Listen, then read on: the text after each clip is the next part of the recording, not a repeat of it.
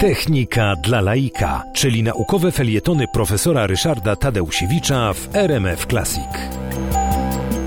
Thomas Alva Edison był genialnym wynalazcą, wynalazł rozmaite rzeczy, między innymi żarówkę, aczkolwiek można mieć tam wątpliwości, czy on się czasem nie, nie, nie posłużył tutaj plagiatem, ale e, mniejsza o to. W każdym razie wynalazł żarówkę, wprowadził elektryczne oświetlenie w miastach Stanów Zjednoczonych. Manhattan był pierwszym e, całkowicie oświetlonym elektrycznie miastem, no i wobec tego, skoro były odbiorniki energii elektrycznej takie jak, jak żarówki, e, no to potrzebne było źródło tej energii elektrycznej. Edison wobec tego wymyślił, wynalazł i skonstruował, a także potem zastosował w praktyce elektrownię. To on wymyślił, że prąd trzeba gdzieś produkować. Wcześniej e, wszystkie urządzenia elektryczne były napędzane wyłącznie z baterii.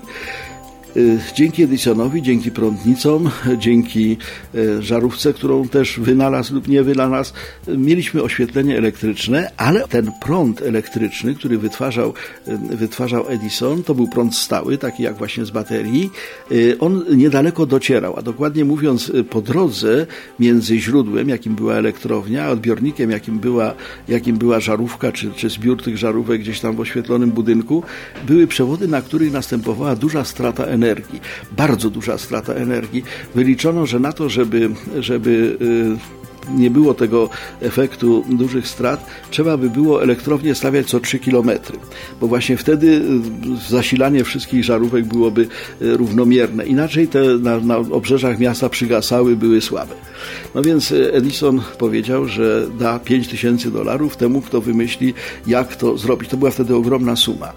No i tymczasem jego młody współpracownik, y, skądinąd zresztą Serb z pochodzenia, Nikola Tesla, wymyślił sposób i przedstawił Edisonowi y, pomysł, co zrobić, żeby ta energia elektryczna nie była tracona po drodze. Y, nie wchodząc w szczegóły, pomysł Tesli polegał na zastosowaniu zamiast prądu stałego prądu zmiennego, takiego jakiego używamy do dzisiaj w naszych gwiazdkach właśnie jest, jest prąd zmienny, dzięki temu on dociera do nas prawie że bez strat. W każdym razie te straty są kilkaset tysięcy razy, kilkaset tysięcy razy mniejsze przy przesyłaniu na wysokim napięciu energii prądem zmiennym niż prądem stałym.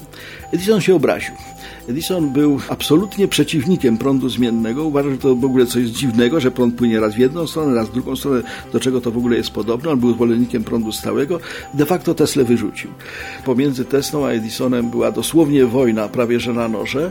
No i Edison do końca wierzył tylko w prąd stały. My dzisiaj prądu stałego też używamy od czasu do czasu, dlatego że prądu zmiennego nie da się gromadzić. I wobec tego, jak trzeba gdzieś naładować jakąś baterię, chociażby w telefonie komórkowym czy, czy, czy w jakimś innym urządzeniu przenośnym. Tam musi być prąd stały i tam, że tak powiem, Edison ma, ma y, pierwszeństwo. Natomiast wszędzie tam, gdzie używamy prądu właśnie w celach przemysłowych, w celach oświetleniowych, y, do tego wszystkiego, do czego prąd nam na co dzień służy, y, wygrywa Tesla ze swoim prądem zmiennym. No a ta wojna prądów była jednym z elementów rozwoju elektrotechniki.